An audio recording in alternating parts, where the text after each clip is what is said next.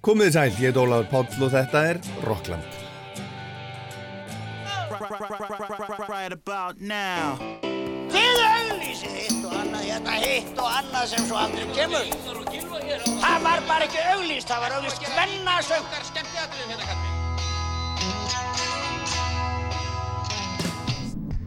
Hvað gerir kvöld? Kíkja á tónleikana? Ekki? Það er ekki beint fyrir mig að vera innan um einhverja brjála úlinga. Hvað minnur þau?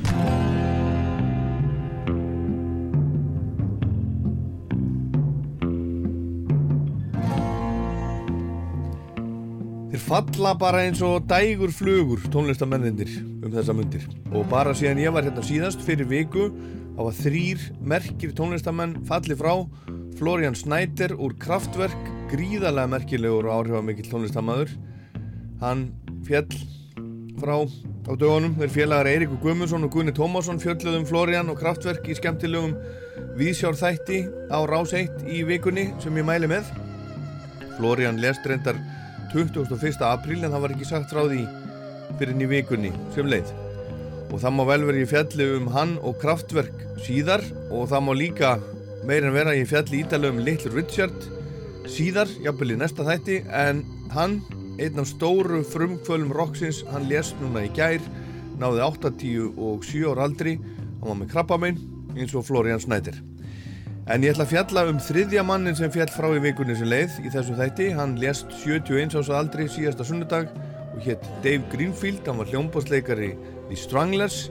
Ég ætla að skauta yfir feril Stranglers í þættinum í dag og við heyrum í Jakobi Smára Magnúsinni, bassaleikara og Stranglers aðdáfanda í þættinum og við heyrum líka í Margreði Eyr en fyrsta platan hennar sem kom út fyrir 20 áru síðan kom út á Spotify núna í vikunni skemmtileg coverlaga plata sem heitir Meir.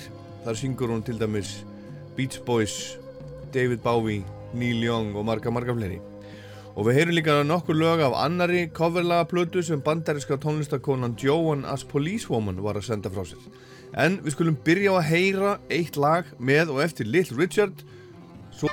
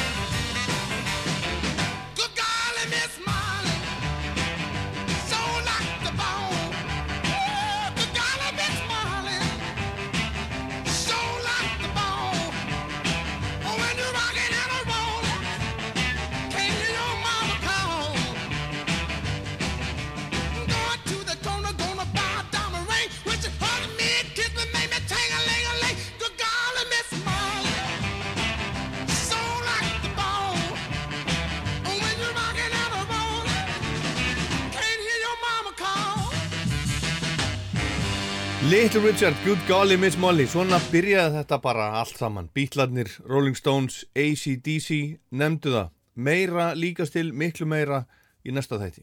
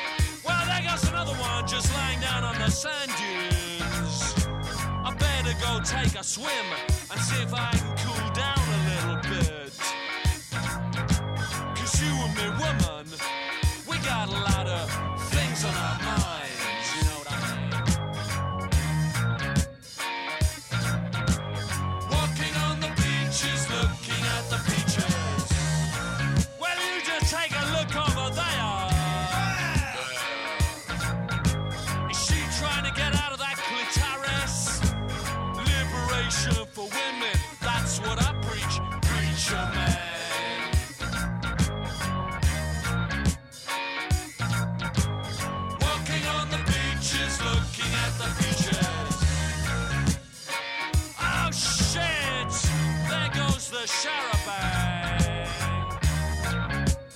Looks like I'm gonna be stuck here the whole summer. Well, what a bummer.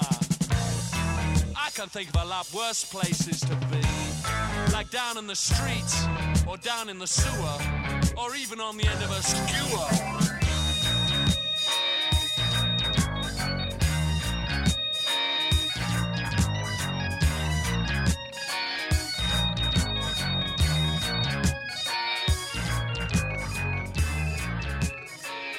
Dave Greenfield, hljómbásleikari hljómsveitarinn Strangless, lést af völdum COVID-19 núna síðasta sunnudag fyrir viku, 71 á saðaldri. Þetta er lagið Peaches sem er að finna á fyrstu Strangless-plötunni, Rattus Norvegíkus, sem kom út 1977. Dave var laðurinn á sjúkrahósi viku áður en að lést vegna, vegna hjartveiki, en eftir viku á sjúkrahósinu lést hann svo af völdum veirunna skæði. Hann var merkilegu tónlistamæður sem átti mikið í Soundi Strangless sem var punk hljómsveit í grunninn, var hráasta rocksveit breyta í upphafi fyrirlsins, aðeins á undan hinum stóru frum punk sveitunum Class og Sex Pistols. En svo var það þessi hljómbósleikur sem var svo einkennandi fyrir Strangless og það voru fyrst og fremst áhrif frá Doors, það var rockspekingar sagt í gegnum tíðina en Dave Greenfield sagði einhvern tíma sjálfur að hann hafi í rauninni verið undir meiri áhrifum frá John Lord og Deep Purple og Rick Wakeman. Hann spilaði yfir hrátt punk-rockið, flottar hljómborða og Hammond orgellínur og samdi svo eitt allra þekktasta lag Stranglers, balluðuna Golden Brown, lagið með 77 miljónir spilana á Spotify, þeirra lang vinsalasta lag þar. Lagi fjallar um, um heroin, segir sagan, en líka um einhverja stúlku sem var ættuð úr miðjararhafinu, gull brún á hörund sem söngvarinn Hugh Cornwell var í nánu sambandi við á þessu tíma þegar lagi var samið. Hann samti textan, Dave Greenfield samti lagið.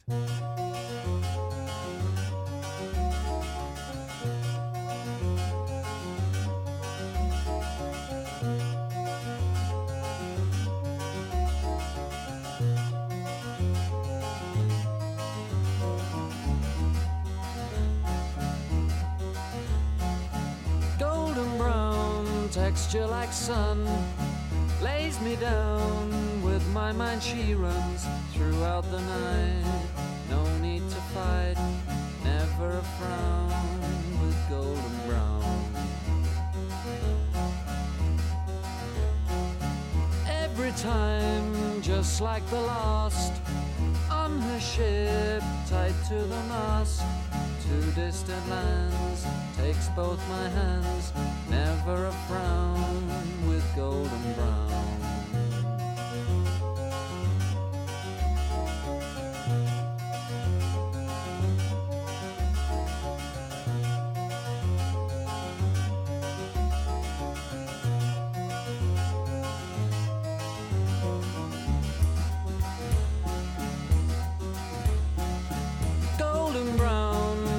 a temptress.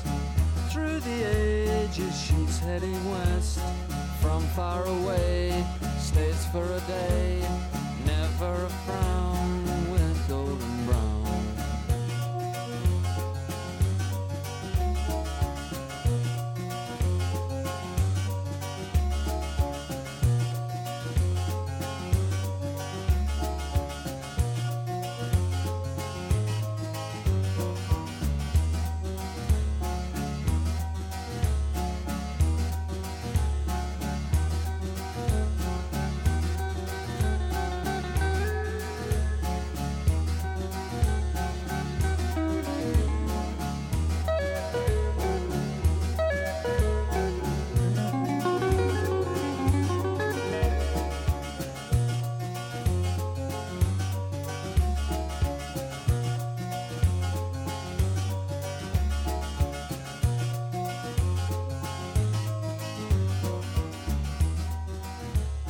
Langmest spilaða lag hljómsveitarinnar Stranglers á Spotify. 77 miljónir spilana Golden Brown, lagið eftir hinn nýlátna hljómbótsleikara sveitarinnar Dave Greenfield. Þegar Dave spilaði þetta lag fyrir hljómsveitarnar sín tíma þá leist þeim bara ekkert á þetta. En þetta var tekið upp og kom svo út á plötu sem heitir La Folie 1981 sjötta breyðskjúfa Stranglers og það var trommarinn Jet Black sem talaði fyrir því að þetta er því svo gefið út á smáskjúfa, hann var hrifin að læginu það var gert og þetta náði öðru sæti á breska vinsaldalistanum en sveitin kom engu öðru lægi fyrir að síðan svo hátt á vinsaldalistan í Brellandi en Stranglers kirkjararnir sem hétu uppáflega Guildford Stranglers voru settir á laginnar hljómsveitin stopnuð í Guildford í Surrey á Englandi ára 1974 en fyrsta platan Rattus Norvegikus kom út 1977 platan Rotta með kirkjörunum ekki kannski mjög aðgengilegt svona svart á hvítu en þetta gekk vel í ungt fólk á sinni tíma. Unga fólki reyfst af kirkjörunum Við skulum heyra næst lag á annari plötu stranglega sem kom út líka 1977 komu tvær plötur út það árið. Hún heitir No More Heroes kom fimm mánuðum á eftir Rattus Norvegíkus og hér er titilægið No More Heroes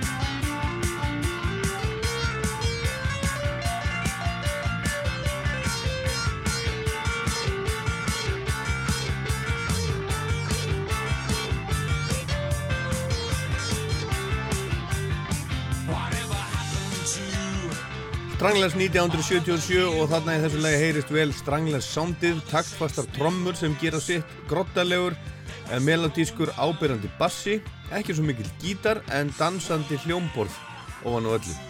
Dave Greenfield. Stranglers hefur þrísvarsunum spilað á Íslandi, þeir komu hinga fyrst til Íslands í byrjun mæ 1978 þegar þeir voru búin að gefa út tvær plötur og svo þriðja var alveg að koma út.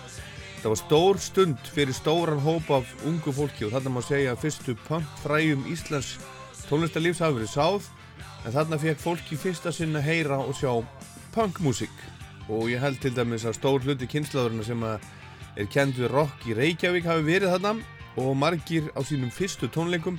Þetta voru tónleikar sem höfðu heldur betur áhrif. Það voru sérstakki tímar, hljómsveitin Póker hitað upp, eina P, hljómsveitin Pétus Kristjánssonar ekkert skrítið svo sem við það, Póker var vinsa hljómsveit, en þarna voru líka Halli og Latti að hita upp. Þeir voru reyndar líka ótrúlega vinsalir 1978, en einhvern veginn finnst manni þetta svolítið skrítið program, en heitast að punk hljómsveit heims og Halli og Latti. En Ásker Tómasson, fréttamaður hér á Rúf, hann skrifaði í DFF um tónleikana og hann saði að Halli og Latti hafi verið skemmtilegir og ég efast sko alls ekki um það, mann eftir að hafa séð á hann um svipa leiti. Frábærir. Þussaflokkurinn átt að spila á undan Stranglers líka en af því varð ekki þeir fengu ekki að gera hljóðpröfu og ákvaðu að spila ekki, prinsip menn.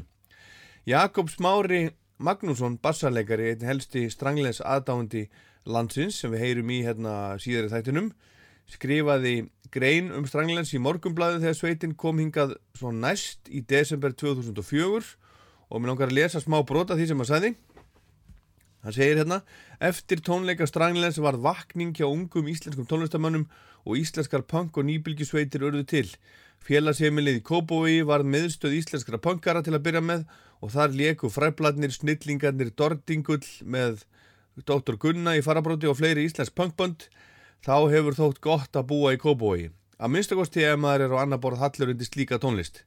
Í kjálfarið komu svo sveitir eins og utangarsmenn, þeir, Purkur Pilnik og fleiri og Íslands tónlistarlíf vaknaði til lífsins.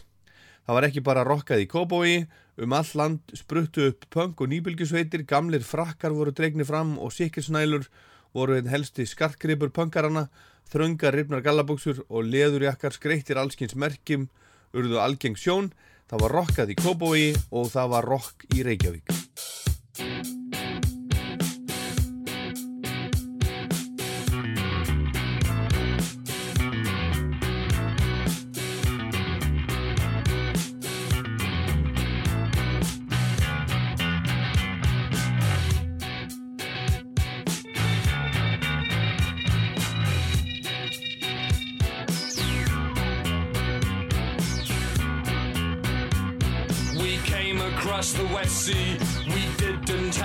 Idea of the kind of climate waiting.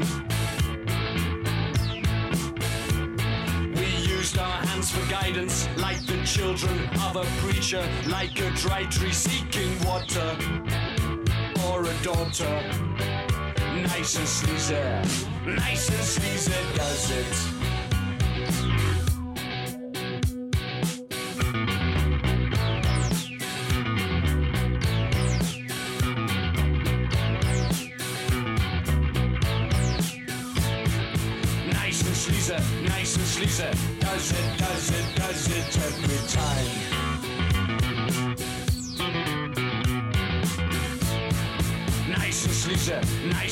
Nice and. Does it, does it, does it every time.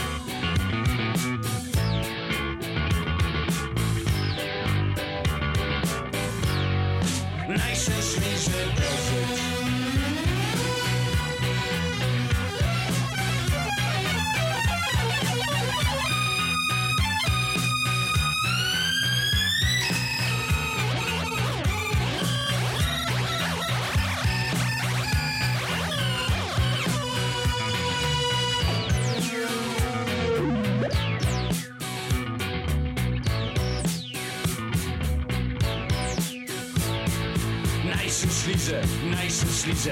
Does it, does it, does it every time. Nice and Sleazy, Stranglers af þriði plötunni Black and White sem að var að koma út þegar sveitin spilaði fyrir Rocky Reykjavík krakkana í lögatarsvöld voru 1978 og þannig er þetta enn og aftur einkennandi stranglega soundið, bassi og hljómborð.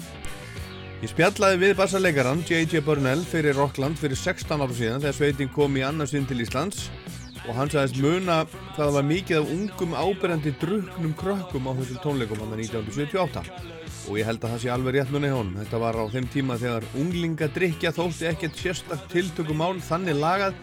Ekki vinsalt svo sem meðal foreldra og yfirvalda var svona gert ímestlega til þess að koma í veg fyrir það. En eitthvað sem var týðkaðist enguða síður.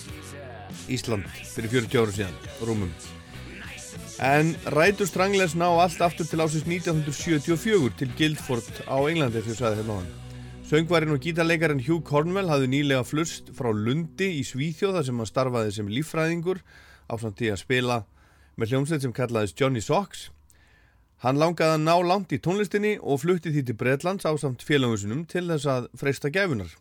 Nafnisveitarinnar var breytt í Wanderlust en fljótlega eftir að til Breitlands var komið hættu trommarinn og bassalegarin og við kjöðunum tók Ísalinn og vínkaupmaðurinn Brian Duffy sem að af einhverjum ástæðum kallaði sig Jet Black og hinn franskættaði Jean-Jacques Burnell. Hann var ráðan til að spila bassa. Jet Black hafði fengist við trommuleikum árabil og var tölvört eldri en félagar hans bara hann er svolítið gamall í rauninni til að byrja hljómsveit 35 ára gamall hann hafði meðal annars afreikað það að spila með móður Julie Andrews á sinu tíma þegar hann var ungur. Á uppásárum sveitarna þá luguður til um hvað hann var gamall og klipu á hann um 10 ár sem hann var í 25 ára. Jean-Jacques eða JJ var hins vegar rétt rúmlega tvítur og ætlaði sér alls ekki að leggja fyrir sér tónlist. Hann starfaði sem sendibílstjóri og, stundaði karate og ætlaði að fara til Japan til frekara námsi þeirri íþrótt. Hann hafði hins vegar lært á klassískan gítar og það var ástæðan fyrir því að hann var byggðin um að taka sér bassarleikara stöðuna. Fjóriði meðlemi sveitarnar þessum tíma var hinn sænski hljómbors og gítarleikari Hans Warmling og árið 1974 var nafni hljómsveitarnar breytt í við Stranglers og hljómsveitin spilaði á pubum og litlum klubum í heimabæ sínum og nágræni. Þeir byggu allir saman í lítill íbúð fyrir ofan Vestlund Jet Black þar sem að hann seldi vingjararefni og fleira og íspílinans notuðu þeir til að flytja græjur á milli staða. Þeir spiluðu lög eftir aðræði bland við eigin tónsmíðar og lífi gekk út á að fá að spila og það var sama hvort um var að ræða kráarspilamennsku eða spila í brúðkaupi. Öll spilamennska var vel þegin. Þeir fóru í hljóðverð þessum tíma og gerðu pröfu upptökur handa útgjöfundum og það er aðtiklisvert að eitt þeirra laga sem er hljóðrötu á þessum tíma var lagið Strange Little Girl sem var þó ekki gefið út fyrir mörgum áru síðar. Stranglens hafa því ekki verið eins rockaðir og ráir í upphafi, blá upphafinu eins og það ráttu eftir að verða á næstu mánuðum og árum. Við skulum heyra hérna Strange Little Girl.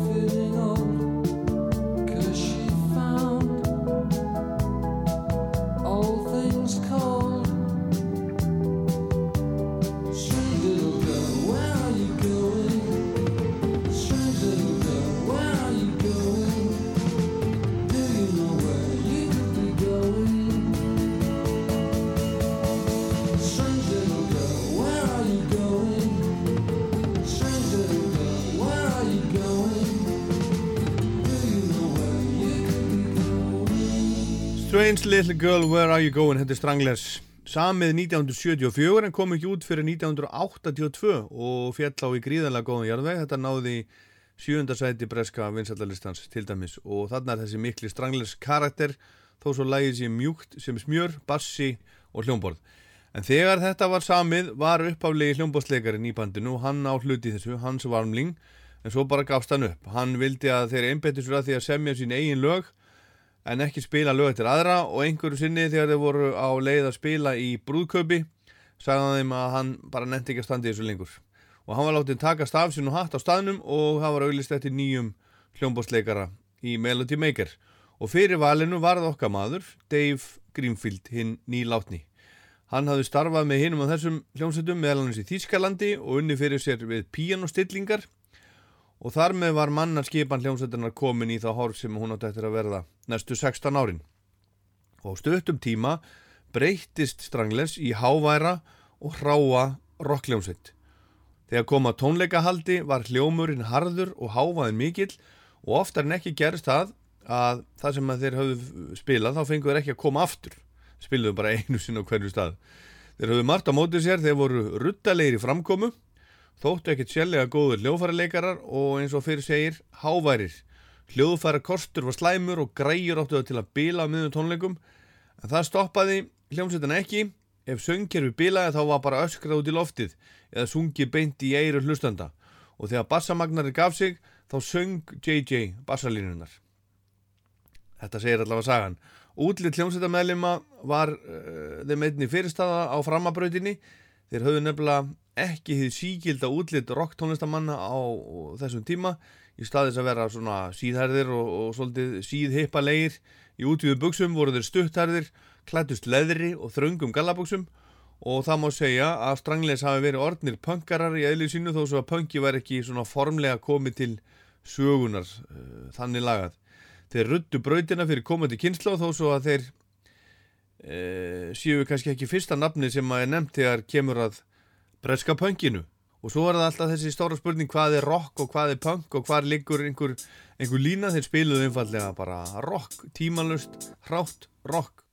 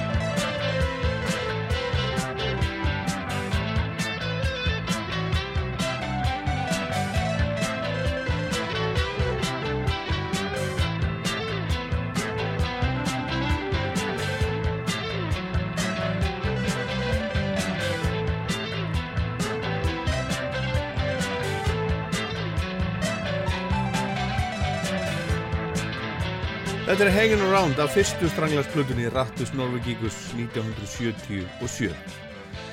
Bassarleikarin J.J. Burnell saði mér þegar ég spjallaði við hann 2004 að auðvitað hafi meðlumir Sex Pistols og Class komið á tónleika hjá Stranglers þegar þær sveiti voru að byrja og upp á sánu Stranglers hafi Joe Strömmel sem setna var söngvari Class verið í hljómsið sem hétt í One of Oner sem að, að kalla svona pubba rock band og stundum þegar hann var búinn að drekka hann svo mikið þá hjekk hann grátandi á öxlinni á Burnell og sagði ég vildi að ég var í hljómsveit eins og þú ert í. Það var svolítið áður en að klass var til. Og Burnell segir að það væri í rauninni ekki sitt að segja til um það hvort Stranglens var í fyrsta breska punkbandið en musikpressan í Breitlandi hafi ákveðað þessum tíma að styðja Sex Pistols og Klass en ekki Stranglens þráttur að þeirra við selt meira af plötum í heimalandinu en báðar þessar sveitir Hann hafi slegist við Pól Simonon, bassarleikara klass árið 1976. Það hafi komist í fjölmjölana og þeir hafi tekið Málstad, Klass og Sex Pistols í því máli. Og Sex Pistols, segir hann, var ekkert annað en boyband sem var hannað og klætt af Malcolm McLaren.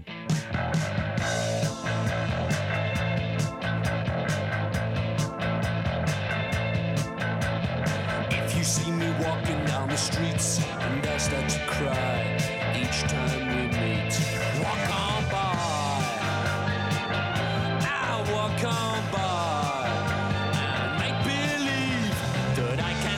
tears that let me breathe. I'm private, cause each time I see you, I just wanna cry. Walk on by. Walk on I just can't get over losing you. And so if I seem so broken in pieces, walk on by.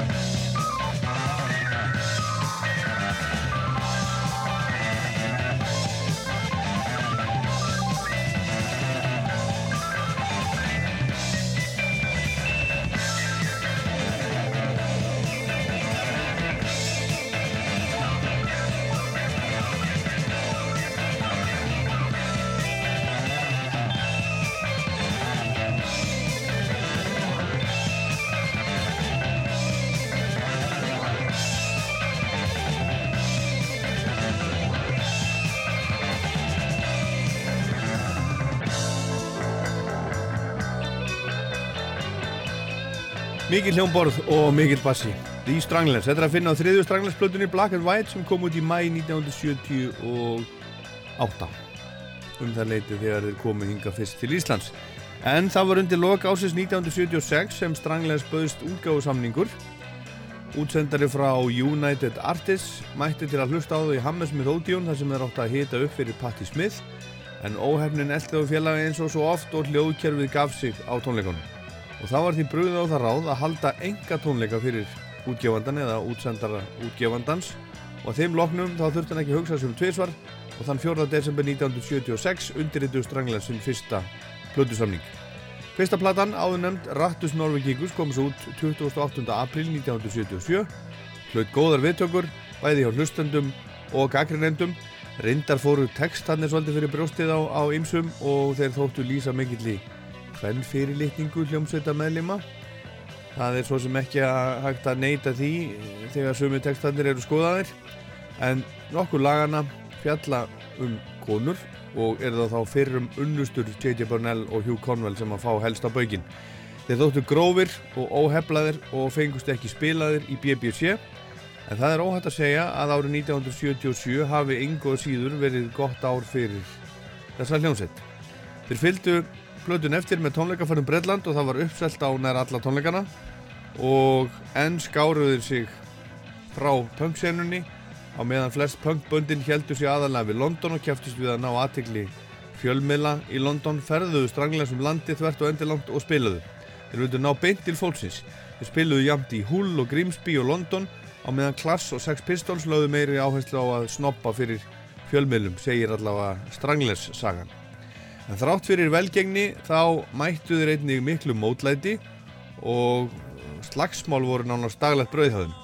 JJ notfærið sér karakterkunnóttu sína óspart á óvildamenn hljómsveitinnar hvort sem að það voru bladamenn eða óanæðar áhörendur ekki kannski mjög, mjög smart en hann átti að hreinlega til að bara hjóla í gaggrinendur sem að ekki fíluðu bandið eða skrifuðu ítla um það en meðal áhangenda sveitarnar voru félagar í Hells Angels og, og slíkum klíkum. Og allt þetta tónleika hald skilaði sér og þeir náðu hátt á sölulistum þrátt fyrir að fjölmilnar væri ekki, þeim ekki hlýðhóllir og þeir fengju litla sem enga spilun í útvarpi. Þetta var svona, voru einhvern veginn ekki alveg nóg svona jákvæðir ströymar frá þessari, þessari hljómsveit á þessum tíma.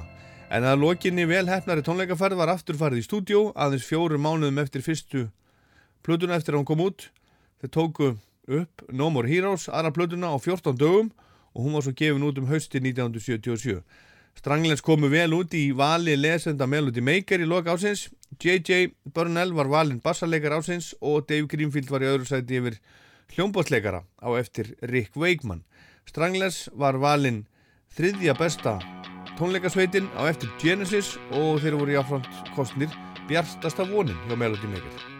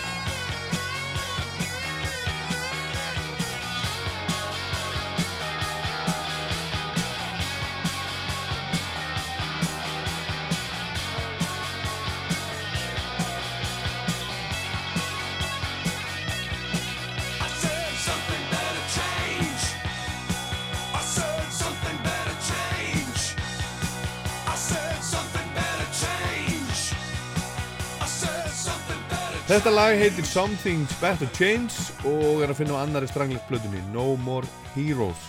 Árið eftir, en 1978 var ákveð að breyta þessum stefnu í tónleikahaldi sveitarinnar og kvíla stóru húsin sem þeir voru búin að koma sér svolítið fyrir í.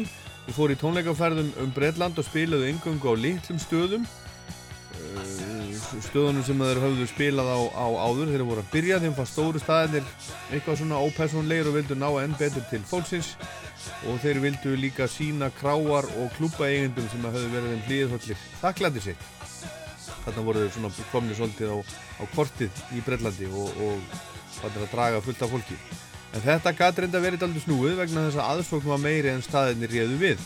Og þá var ljóst að nú þurftu stranglis að segja endalega bless við pöppana og halda sig alfarið við stærri tónleikastæði.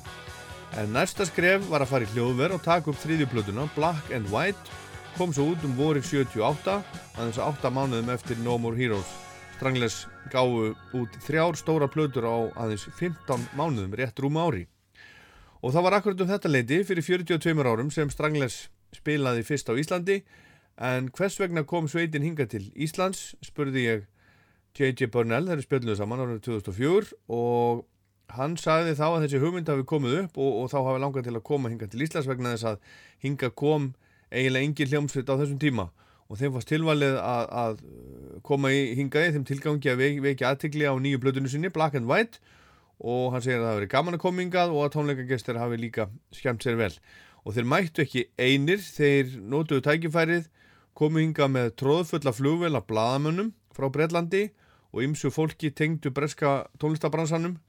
Og það var spilað í fullri lögatarsvöll og það var haldinn bladamannufundur í hljóðurita í Hafnarfyrði ferðalagið einkendist segir sagana mikillir drikju og sjaldan eða aldrei höfðu Íslendingar upplifað annað eins.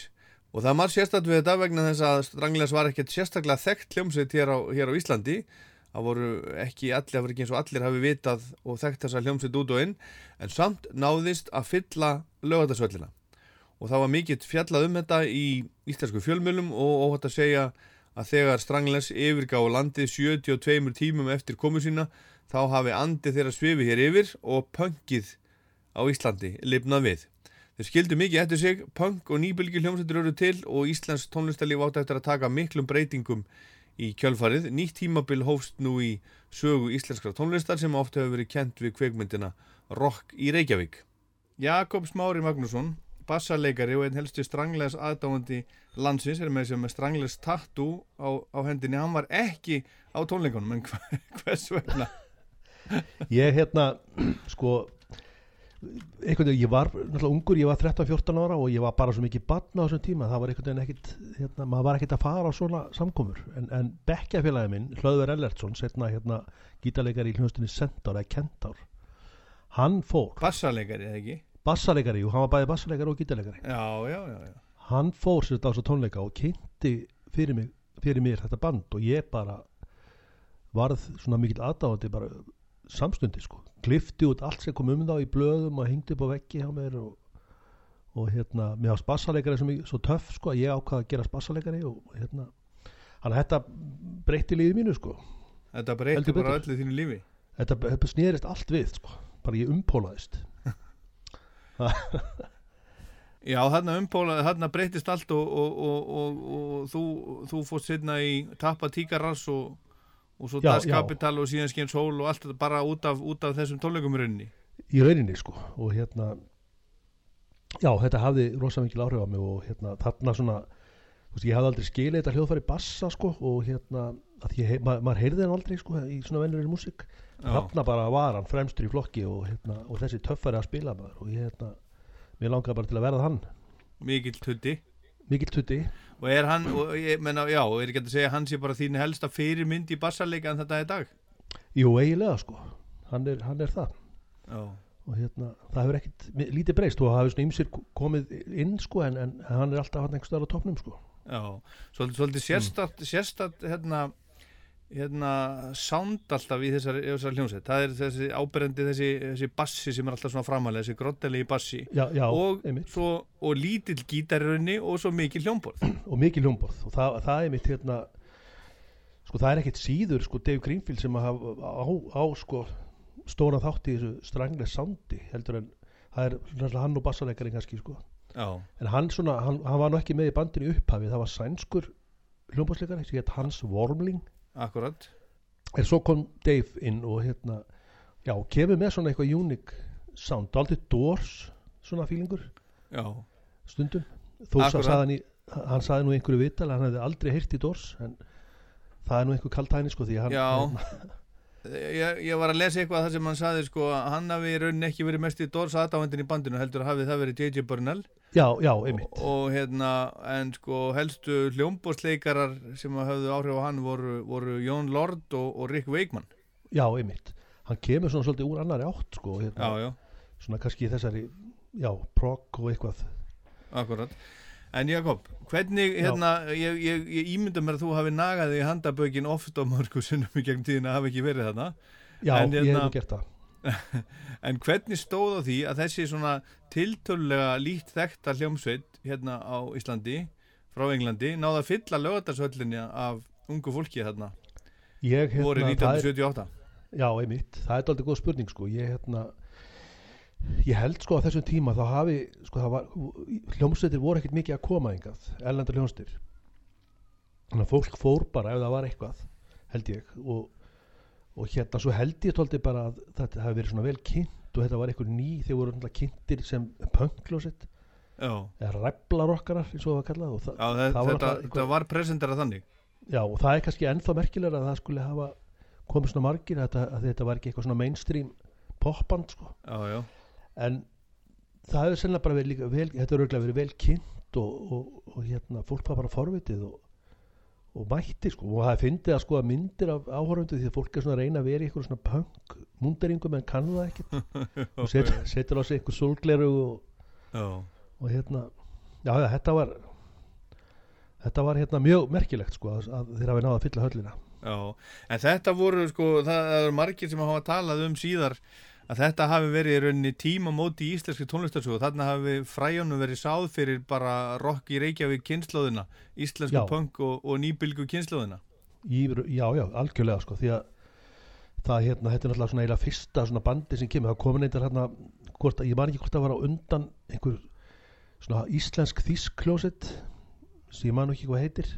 Já, en hérna þeir náðu ekki svona mikilli það var ekki svona mikil mæting.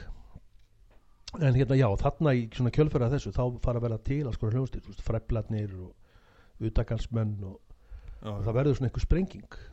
Og, og svolítið svona kemur svolítið seint hingað sko því að þarna er pönkið svolítið bara svona útleið í Breitlandi og það er komin svona meira þessi nýbylgja og ný, svona post-punk eins og kallað er. Akkurat. En þetta Já. byrjar hér Já, það kom, ekkit punk aðnila fyrir sko eða það var ekkit útgefu punk hérna á Íslandi fyrir en bara fræblarnir gáðu fyrstu litlu plötuna á það? Já, já, einmitt, það er, það er svona og, fyrsta og, og hvað er hún 79 eða er hún 80? ég man það ekki alveg, ég held þessi 79 Já, og akkurat. hérna svo kemur var ekki Bubbi 80 með Ísbjörnablós og svo utækasmenn Jú, sama jú. ár eða hvað þannig að þetta svona byrjar allt og, og, svo í kjölfarið öll, öll þessi bönd þú veist, þeir, Purkur, Pilnik aha, sem voru svona kannski meira í þessu svona svo kallar post-punki en hérna en þetta, jú, þetta, þeir, þeir komu svolítið með þetta með sér. Já. það er algjörlega mín skoðun. En þó að þú hafir ekki verið þannig Jakob þá áttur nú eftir að eh, þú, þú er hitt á alla síðar eða ekki? já, ég, ég hef gert það sko. Ég hérna, þeir komu hérna 2004 minni mig. Já, og þá sá ég það og hitti, hitti þá. Aha, og hérna svo komu þeir aftur 2010 þá var Valli nei, í Fræflunum, hann- 2007 Nei. 2007 2007 fyrir ekki og þá var. Valli í fræflunum að flytja á inn og, og hann fekk mig til að sækja á þetta flugu auðvitað. Og ég, ég var náttúrulega bara eins og úlingstelpa þú veist að, Já, já, að keira Djúran Djúran eða Justin Bieber sko, og, já og, og, og, með svo, bassa hetjuna í, í framsætinu við hliðina á mér. Akkurat, svo sá ég þið nú spila með, með, með Hugh Cornwell á, á Gauknum. Já, Fyrir- það, það hérna hvað eru, þrjú ár síðan eitthvað slis? eitthvað svolítið, þrjú, fjögur ár já, þá Já. kom hann hingað og, og hérna og það var svona sett, sett í gang það að ég myndi hitta, ég og Bubbi myndum hitta Hjú og við tókum við að smá viðtal. Og, og þá bast í tala við Bubbi hefði verið í þessari hljómsveita Skapital og við hefðum tekið hérna, eitt strangleslag stundum.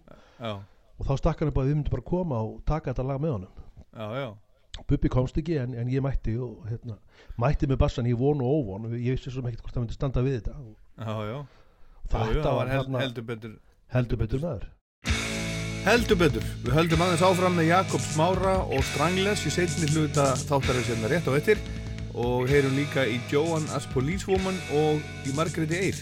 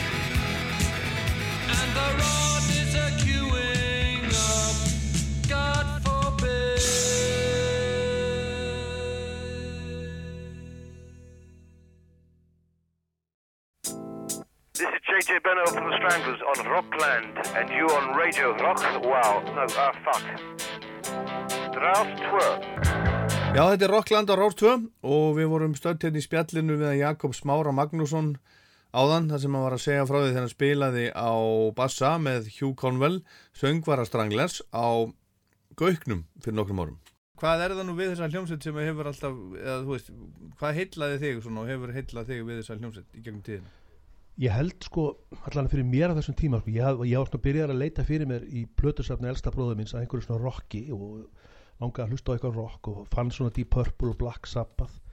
Svo var bara eitthvað fyrir sem var fyrir mér hann svolítið svona nýtt sound og, hefur, og lögin eru flott, þau eru melodísk og hérna og það er bara eitthvað svona þeir eiga bara svolítið sitt sound. Og þó þeir hafi síðan reynda breyst þeir alltaf breytust og auðvitað mýgri sko. En alltaf náði maður einhvern veginn að fylgja þeim. Já. þú veist að meina, það er mikill munur á lögum eins og Golden Brown og Nice and Sleazy þetta er bara eins og tvö bönd en, Jú, jú. En Sem að er nú það sem að einkennir margar góða hljómsveitir það eru eins og mörg bönd. Það er ekki alltaf já, sama já, já, já, einmitt það, það er nú málið sko og hérna en svo fór svona aðeins að svona fjara undan svona, svona síðasta platan sem Hugh, Hugh Conwell var með sem ég ten, hún var svona ekkert spes og svo kom ykkur að tvær þrjá lélegar hann í kjölfarið. Þá svona misti maður aðeins þráðin sko. Já, já, þetta er nú svona best þá, svona framundir það síðasta hjá honum. En Já. ég ætlaði hérna byggðum að velja fyrir okkur eitt lag sem að þér finnst vera einkennandi fyrir uh, Dave Greenfield. Já, mér dettur nú bara í hug hérna lagi Grip, gera Gripunum selv það er svona ekta hérna Greenfield hljómbásleikur er svona hleypur upp og niður hérna hérna hljómborðið en ég myndi velja það, gera Gripunum selv af fyrstu plötunni Takk fyrir það, Jakob Smári Magnússon. Takk fyrir spjallið. Eru, takk sem leis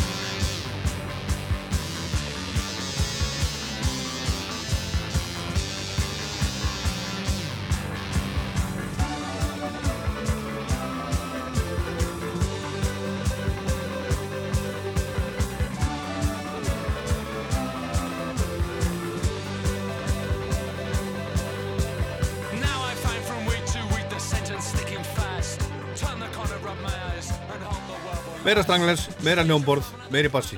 Get a grip on yourself. Það er svolítið eins og stranglers hafi sagt bless við mesta pöngið eftir að þeir komu hinga til Íslands 1978. Nú fór tónlistin þeirra að breytast, hún var svolítið mýgri og um leið tók að halla undan fæti svolítið hjá sveitinni. Vinsaldirna dvínuðu aðeins og strákarnir fóra meira og meira að lifa rock stjörnu lífi með tilherandi eitulöfanislu og öðrum ólefnaði. Heroinnið hafði tekið við stjórnatömanum í hljómsveitinni og voru aðalega bassarleikarin J.T. Burnell og söngvarinn Hugh Cornwell sem að glýmdu við þá tjöfla, þá fík en gömlu aðdáendurnir snýru margir við þeim baki vegna breyttra tónlistastöfnu þeir gáðu plötuna því Raven árið 1980 og árið síðar kom plata sem að heitir The Gospel According to the Men in Black Hvoru platan seldist vel og nú voru góð ráð nokkur dýr Breytingin þótti kannski of mikil en í dag þykir mörgum því Raven vera reyndar þeirra bara besta plata. Og nú snýrist allt um það að senda frá sér lag sem að næði vinsaldum til að halda sér á vagninum. Og það var ákveð að ráðast í gerð annara blödu á, á árið 1981 og viðfáðsefni skildi vera Ástin. Eitthvað sem að var og er flestu fólki hugleikið en Stranglers hafði ekki fjalla mikið um í sínu lögum fram til þess tíma að minnstu kosti ekki á svo jákvæðan hátt Ætlunum verki tókst og platan La Folie kom út um haustið Næstu ár sem að tóku við voru nokkuð góð fyrir hljómsveitina Þeir voru komni með nýtt útgáðufyrirtæki og nýjan umbósmann og bandi held áfram að þróast. Þeir eruðu enn mikið á næstu blödu, Fellín sem kom út 1982. Kassagítarar, mjúkt bassasánd og svífandi hljómbóslínur höfðu komið í stað gamla grófleikans. Laugin voru falleg og ljúf og hljómsveitin nöyt nú mikill að vinsalda um alla Európu. En samstarfið var farið að súrna en það kannski ekkert skrítið að það kæmi að því eftir allt sem áhafi gengið. Þeir voru ekki lengur stranglers 24 tíma sólarhengsins eins og áður, flestir ótnir fjölskyldumenn og, og kafi í ymsum öðrum málum. Samstarfið gekk þó verst á milli Hugh Cornwell söngvara og hinn að þryggja. Hann var farin að svona, horfa í aðra áttir og hafi minni áhuga á, á hljómsveitinni, vildi byggja sér sín eigin feril utan hljómsveitarinnar, en hann hjekk nú einhverjum síður með þeim í nýju ári viðbót og á þeim tíma sendu þeir frá sér þrjár plötur, Oral Sculpture, 1983 Dreamtime 86 og Ten 1990 og fljóðlega eftir að hún kom út á yfirgaf Hugh Cornwell hljómsveitina og síðustu tónleikandi sem hann var með þeim á voru haldnir í Alessandra Palace í London 11. ágúst 1990 How many times have you woken up and prayed for the rain? How many times have you seen the papers apportion the blame?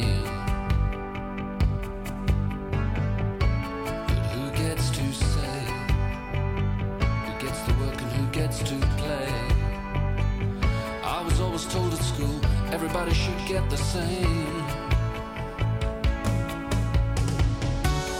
How many times have you been told if you don't ask, you don't get? How many lies have taken your money? Your mother said you shouldn't bet.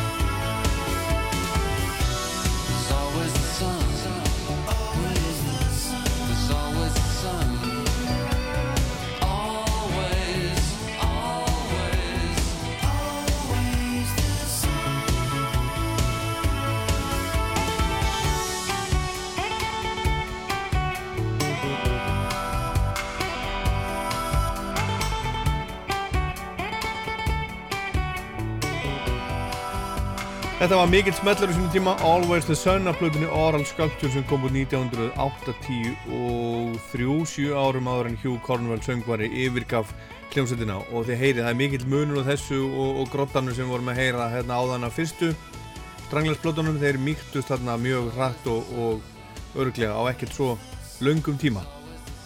En í stað Cornwell þegar hann hætti kom Paul nokkur Roberts og hann söng með Stranglers í einn 16 ár og var til dæmis með þeim þegar þeir spiluði í Íþróttahúsinu í Kópói í smárannum á samt fræblónum í desember 2004 og svo þegar Sveitinn kom aftur 2007 til að spila á NASA var hann hættur og gítarleikarin Bas Varn var farin að syngja með hinnum þremur stoppmeðlimunum J.D. Burnell, trommarannum Jet Black og hljómbastleikarannum fallna Dave Greenfield og þannig var Sveitinn samansett síðustu árin En nú veit enginn hvort Strangles á sér einhverja framtíð þar sem Dave Greenfield er ekki lengur meðalvor. Lest núna sunnudaginn fyrir viku, 71 árs og það var COVID-19 sem tók hann. Og J.J. Burnell, hann sendi frá sér tilkynningu í vikunni sem saði eitthvað þessa leið. Sunnudaginn 3. mæ fjall minn góði gamli vinur til 45 ára fyrir veirunni. Stranglers fjölskyldanum allan heim sirkir og við sendum hug heilar samúður hverju til ekki Daves. En að Pam Og trommarinn Jet Black sem var búin að vera að spila með Strangler síðan 1974, hann skrifaði Við vorum að missa kæran vinn og músiksjeni en ekki bara við heldur heimurinn allur. Dave var náttúru talent, við túruðum saman um heiminn þveran og endilangan áratugum saman og Dave var dáður um allan heim. Mikið hæfileika búnd, missurinn er mikill og hans er sárt saknað. Og Bas Varn, gítarleikari og söngvari skrifaði Við höfum mist sannan frumkvöðul músík, góðsögn og kæran vin. Orði snillingur er ofnotað í dag en Dave Greenfield var sannlega einn af þeim. Við stóðum saman á sviði í 20 ár, hlóum saman, sögðum brandara og deildum lífi eins og aðeins þeir sem eru saman í hljómsveit gera. Ég mun sakna hans að eilífu. Bonsoir.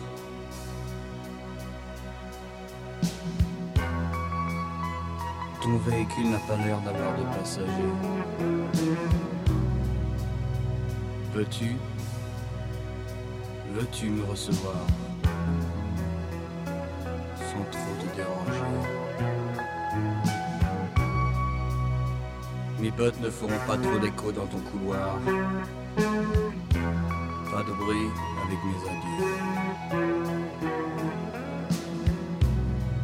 Pas pour nous les moments perdus en attendant un certain au revoir. Parce que j'ai la folie. Oui, j'ai la folie. Oui, c'est la folie. Oui, c'est la folie.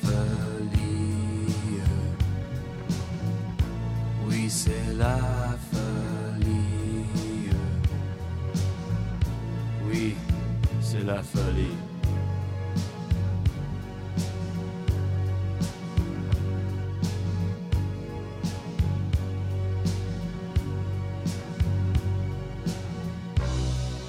Il était une fois un étudiant qui voulait fort comme en littérature. Sa copine, elle était si douce qu'il pouvait presque, en la mangeant, rejeter tous les vices, repousser tous les mâles, détruire toute beauté. N'avait jamais été ses complices, parce qu'il avait la folie. Il avait la folie. Oui, c'est la folie. Oui, c'est la folie.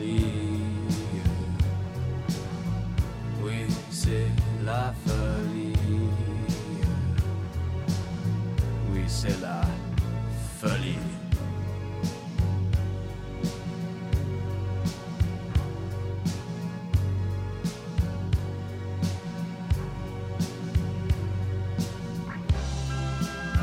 Et si parfois l'on fait des confessions, à qui les raconter Même le bon Dieu nous a laissé tomber.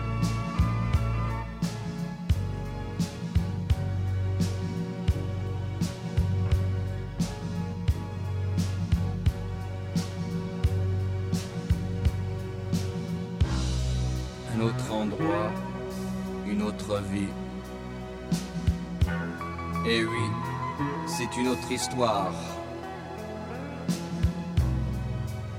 Mais à qui tout raconter? Chez les ombres de la nuit, au petit matin, au petit gris. Combien de crimes ont été commis? Contre les mensonges, les soi-disant les lois du cœur. Combien sont là à cause de la folie? Parce qu'ils ont la folie. Ils ont la folie. Oui, c'est la folie. Oui, c'est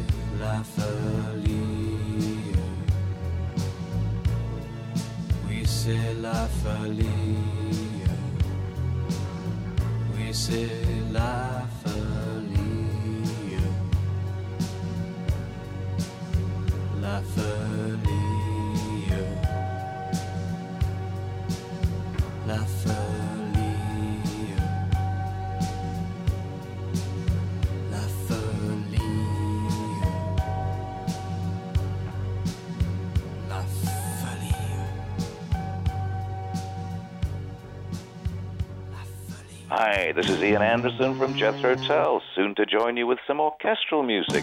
You're listening to Rockland on Rouse Tour.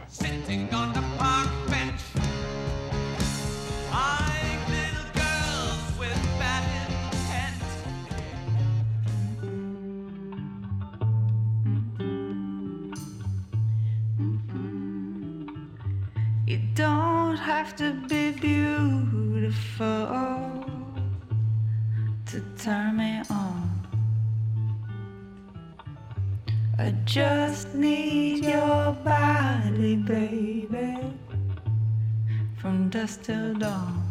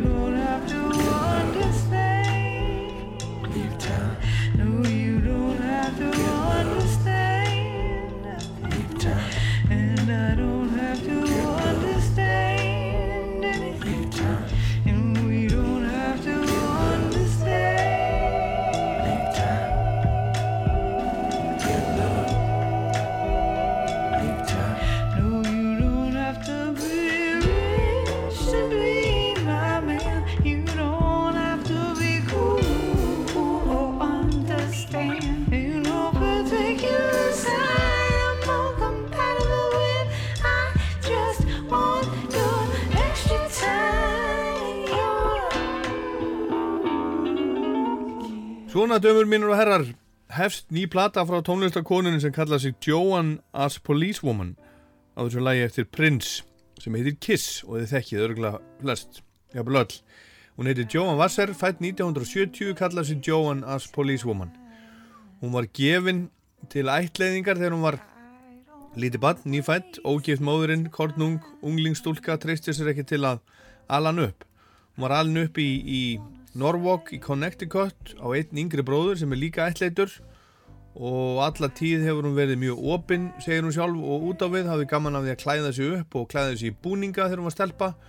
Og hún hefur sagt að þegar maður sé alin upp af fólki sem er ekki blóðskilt manni þá sé það mjög augljóst að persónuleiki manns sé meðfættur hún byrjaði í píjónatímum þegar hún var 6 ára og í fiðlutímum þegar hún var 8 ára spilaði með skólahljómsveitum en fór svo að heiman 18 ára þegar hún fór í College of Fine Arts í Boston háskólan í Boston og í Boston spilaði hún með symfóniuhljómsveit háskólans í Boston. En í skólanum fann hún að hún vildi ekki leggja fyrir sig klassíska músík hún vildi gera annað vassast í klassísku námi búin að vera í því lengi. Það búið að spila Beethoven miljónsinnum og ég get ekkert gert það betur en það búið að gera það sagðan fór að þreyfa fyrir sér í hljómsveitum spilaði með, með punk hljómsveitum og, og hinum á þessum hljómsveitum sem fiðluleikari. Og hún spilaði með, með hinum á þessum næstu árin. Hljómsveitinni The Dam Builders Black Beetle, Anthony and the Johnsons. Og ég er endur ekki með á reynu hvort hún var með Anthony and the Johnsons þegar komum hinga til Íslands og spila á NASA á sínum tíma en mér finnst það líklegt og hef ekki gett að fengið það staðfest. Og hún var líka í hljómsveit sem að hétt Those Bastard Souls En 2006 sendi hún frá sér fyrstu soloplötuna undir nafninu Joanna's Policewoman, plötuna Real Life. Síðan eru stúdioplötunar á það 5 og þar fyrir auðan eru svo tvær coverlaga plötur. Svo fyrr heitir Cover, kom úr 2009 og þar flytur hún lög eftir Jimi Hendrix, Britney Spears, Adam and the Ants, Sonic Youth, David Bowie og fleiri. Og svo er nýjasta platan líka svona coverlaga plata, heitir Cover 2. Umslægið er vísun í gamla plötu með hljómsveitinni Loverboy, Get Lucky sem kom út 1981 en það er til dæmis lag sem heitir Working for the Weekend og einhverju mun eitthvað skettir en myndin umslæðinu sýnir Karlmanns rass þar að sé á þeirra blödu í rauðum leðuböksum og hægri höndin er svona fyrir aftan bak eða aftan rass og, og, og höndin gerir svona lukkumerki, krossar fingur.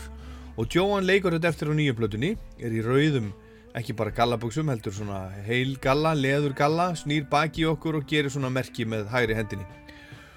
Oft eru svona blöður, svona cover lagablöður, hálgert prump, augljós lög og, og, og blöðrur, en því er ekki þannig farið hjá Joanna's Policewoman.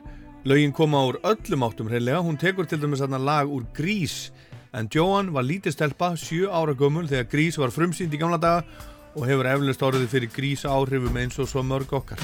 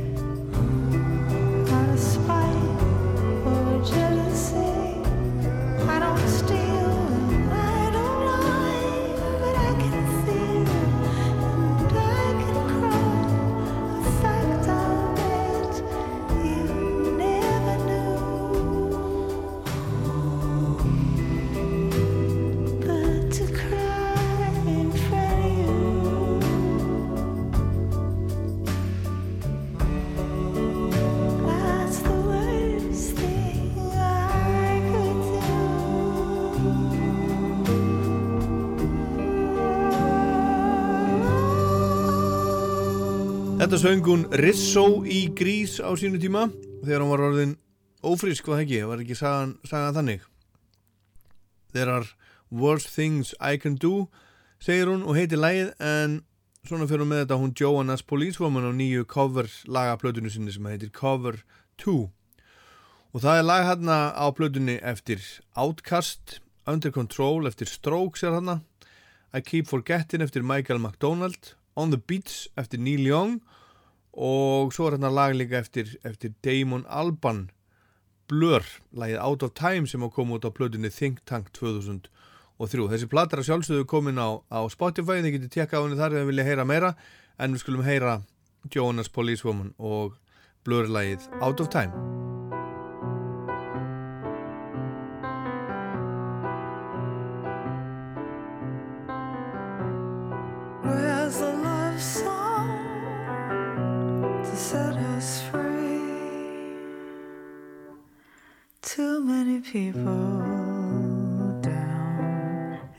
Everything turning the wrong way round.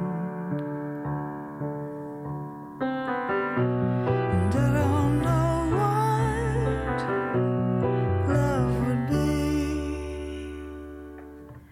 But if we stop dreaming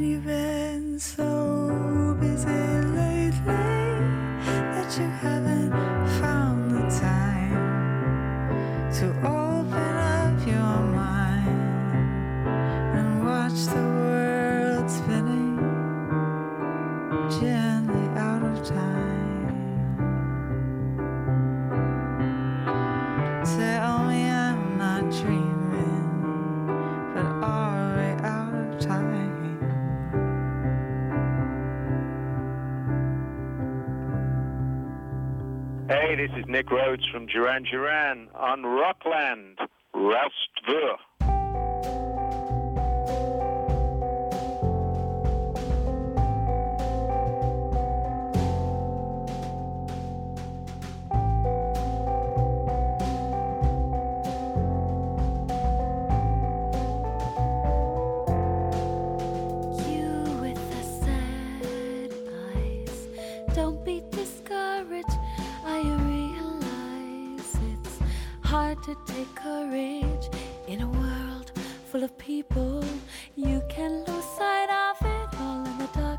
inside you can make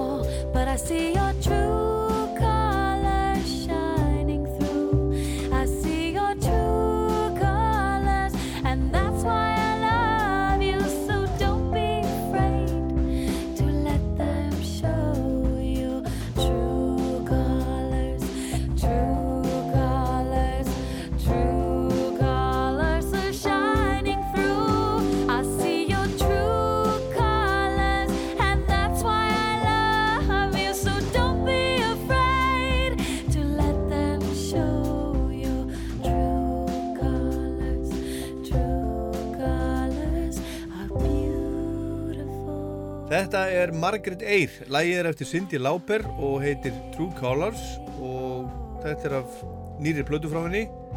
Það er að segja, hún er nýkomin út á Spotify en er í rauninni fyrsta platan hennar og kom út fyrir 20 árum, árið 2000. Hún heitir Meir, er coverlaga plata, þetta er lög eftir Brian Wilson, Neil Young, Tom Waits, Paul Weller og hverja fleiri, Margaret? Eh, Það er hérna lag eftir til dæmis Fine Young Cannibals Já, hvaða lag? uh, Funny How Love Is Já, og svo var þarna dattinn, þetta er endar ekki eftir Madonnu en þetta er samt lag sem hún flutti sem heitir Live to Tell já. Svo Er það ekki eftir hana? Nei, það er nú ekki eftir hana og svo er til dæmis Nights in White Satins eftir Moody Blues Já. mm. Burt Bacharach You Aha. never get to heaven if you break my heart Já, gott lag. Já, En hérna, er Já, það er svona sitt að hvora þarna já, Mm. þetta eru, já, 15 laga plata 15 laga plata um nýkomin á, á hérna, Spotify. Af hverju, af hverju, hérna, af hverju núna, af hverju ekki fyrr? Ég veit ekki ég, ég er svona já Veistu, ég, það er eiginlega bara engin útskýring á þessu þetta tekur smá tíma svona, maður þarf að setja þetta inn allt sjálfur, pikka þetta inn allt sjálfur og ég kunni ekki alveg að hvernig ég átt að setja þetta inn á Spotify en svo kynnti ég mér það bara og ég fekk góða hjálp og Já. svo bara var ég að dúlla mér í þessu í þessari uh, ágætu pásu sem við erum búin að fá úr lífinu núna Er þetta, er þetta mikið að fylla út? Ég meina, þú veist, við sem að notu Spotify, þetta er svo einfalt eitthvað, sko. Já, en já, er, er mikið mál að koma plötu þarna inn? Er mikið að fylla út? Er þetta svona eins og, eins og að gera skattskísluna í gamla daga?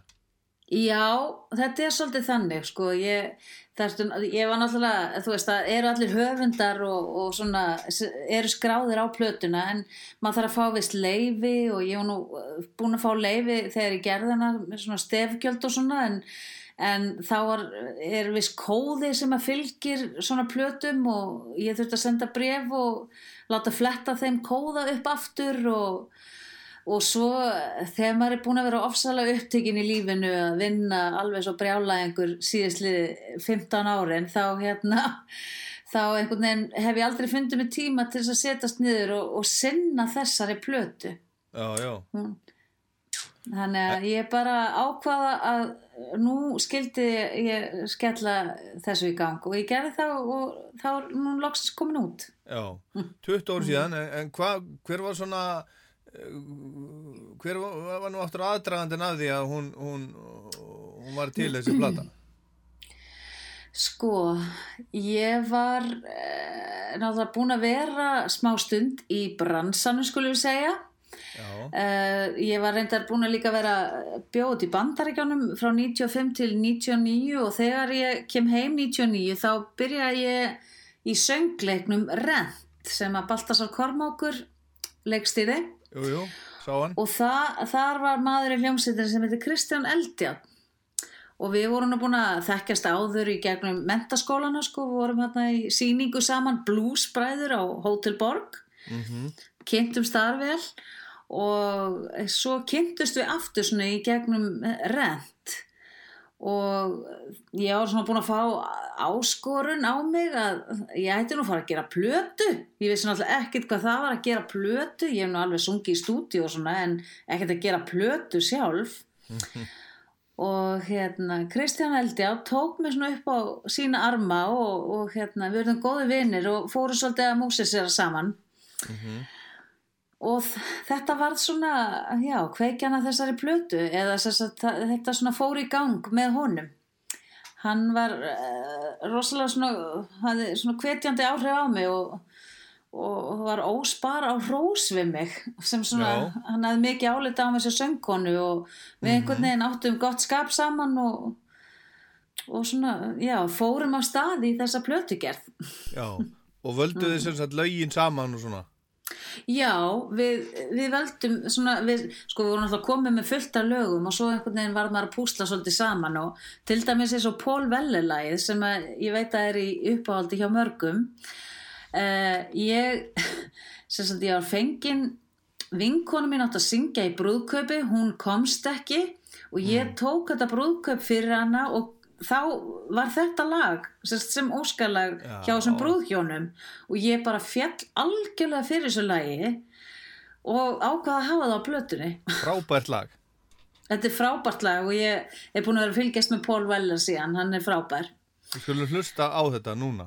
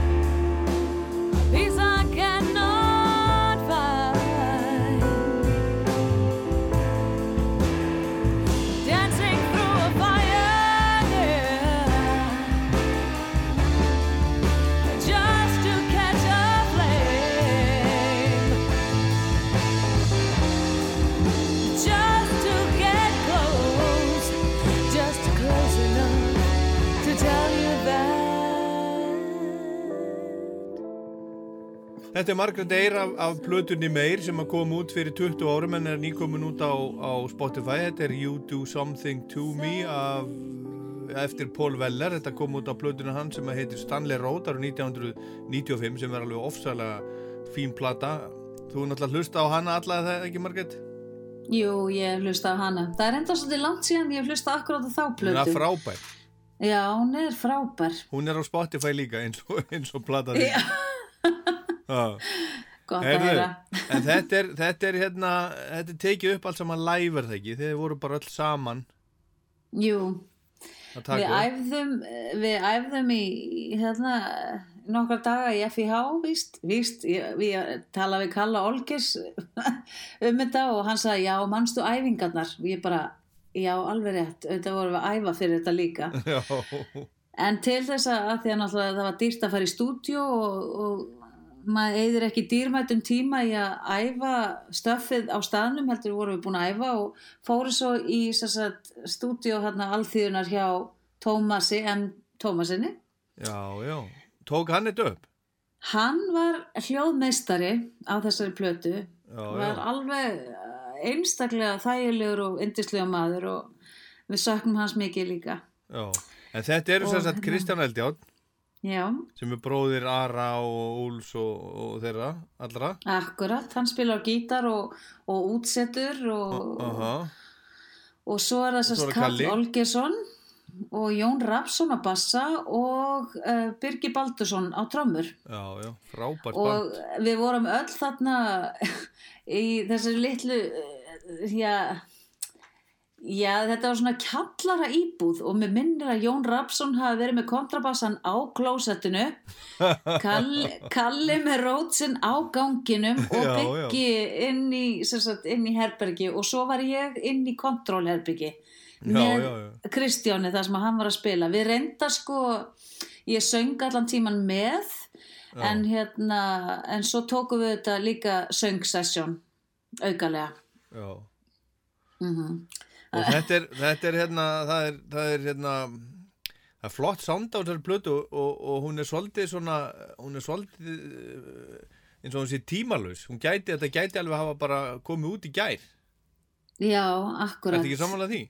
Jú, ég, mér finnst það, ég veit að Kristján hafa með mjög mikla svona pælingar á baku hvernig soundið á plötunni átt að vera og uh, ég náttúrulega vissi voða lítið um einhvern svona soundheim þá en hann Já. var alveg með þetta mjög skýrt bara, og saði Tomma alveg ég vil hafa það svona og, og þetta hérna hægri og vinstri og þú veist, ég bara, wow, vissi ekkert sko Já. En ég treysti honum fullkomlega og mér finnst þessi plata, mér þykir rosalega vænt um þessa plötu, mér finnst ég verið að syngja vel á þessar plötu uh, og hérna bandið æðislega þétt og, og einhvern veginn góðum órall, einhvern veginn maður heyri það bara og já ég er alveg samanlega, mér finnst nú svolítið tímalessi þessi plata og líka og lögin eru einhvern veginn Æ, þau eru einhvern veginn svo ófyrirsjánleg, það er bara, af hverju valdur þetta lag? Veist, Ég, ég veit það ekki, ég veit ekki af hverju valdi þetta lag eða af hverju Kristján kom með þetta lag eða, Mhm. ég veit það ekki, það er, það er engin sérstök eitthvað svona ástæði fyrir sömu lögum, okkur langaði bara að taka þetta lag. Já.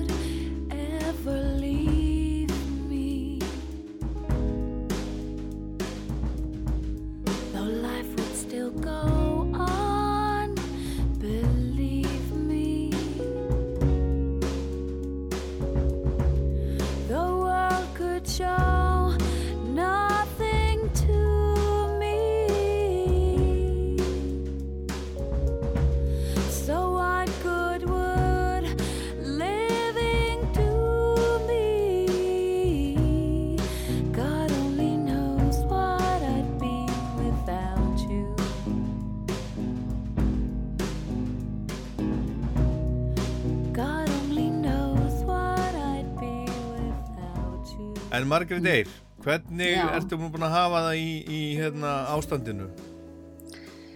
Hvernig hefur Ég, það? ég hef það bara mjög fínt. Ég bara, við, við erum búin að hafa það rosalega gott hérna út í Hafnafyrði. Ég er búin að fara, nota hana tíma til þess að hæja á þessu ofsa tempói sem að maður er búin að vera á í, ég veit, allt og langan tíma. Eh, Þannig að þetta var í rauninni góður svona, góð áminning fyrir mann að hæja á sér og hugsa aðeins inn á við og sinna aðeins heilsunni og ég er búin að vera rosalega mikið út að ganga og fann svona YouTube eða hérna vídeo, svona já. og ég geri það bara á mínum einn hraða og, og svo erum við sér satt líka ég og Jökull erum búin að vera að klára upptökur á, á plötu sem þinn tím er að gera. Jökull maðurinn þinn, Já, Jökull maður minn. Eða verðandi maður minn. Verðandi eigin maður. Já, já, við þurfum að fresta brúðköpunum á eitt ár en það er allt í lagi það er, það er allt í lagi, eitthvað til þess að hlaka til. Já, já. en við erum sér að ég var á leiðinni til Nashville að fara að taka upp vókalinn fyrir þá plötu Nashville. það er enga, ég er Nashville en það er enga ferði núna þannig að ég skellti mig bara hérna til Dallas, í 220 Dallas já, já, haffa tempo og ég er búin að vera að taka upp er fyrir plötu ný, sem er ný Thin Jim já, plata. já, við erum búin að vera alveg fjögur ára að gera þessa plötu Já, já. mm. Er hún ótrúlega góð? Ég er rosa ána með hana, það eru fullt af sterkum lögum og, og þú veist, þegar maður er búin að vera lengi í bransanum, lengi að syngja og veit, þekki mikið á röddina mín og þá bara heldur maður áfram að endunja sig og finna, finna einhvern veginn nýja vinkla á sjálfum sér og bara auðvitað breytist röddinn og, og bara um hvað mér langar að syngja og hvernig ég syngja og túlkun og svona. Þannig að þú veist, er, eh, það er ekkert svona síðasti söludagur á söngkonum eða, skilur, eða tónlistamanni. Nei, nei. Nei, nei. Það er ekkert bara, já þá þú ert 45 ára og þá ert alltaf niðurleið og, og þá hefur ekkert meira að segja. bara horfa til hérna Mavis Staples til dæmis. Já, ég segðu eða, þú veist, Tom Jones, skilur, Já, Mavis já. Staple og Loretta Lynn og svona, þau eru ennþá bara að gera flottar nýjar plötur og bara þeirra nálgun er svo ótrúlega heiðarlega og flott og ég bara, ég dáist það svona fólki, mér finnst þetta alveg frábært, sko.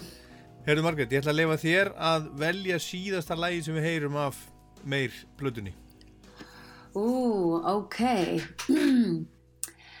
Mér finnst mjög freistandi bara að fá að velja Wild is the Wind.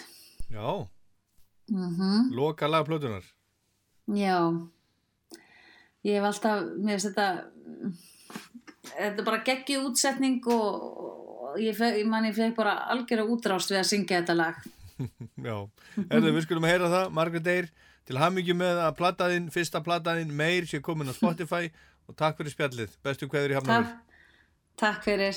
frá Akranesi. Já, og frá Akranesi kveður Rockland að þessu sinni, Stúdíó Rockland á Akranesi, ég minni á Rockland á rúf.is, á rúf spilaránum, í rúf spilaránum og podcast á iTunes og Spotify til dæmis. Og svo minni ég líka á nýjumferðan lagalista Rocklands, Rockland mælir með mæ sem er hægt að fylgja á Spotify, maður finnur bara hjartað og ítir á hjartað og þá fylgir maður listanum. En ég heit Ólaður Páll, takk fyrir að hlusta. Love me, love me, love me, love me, say you do.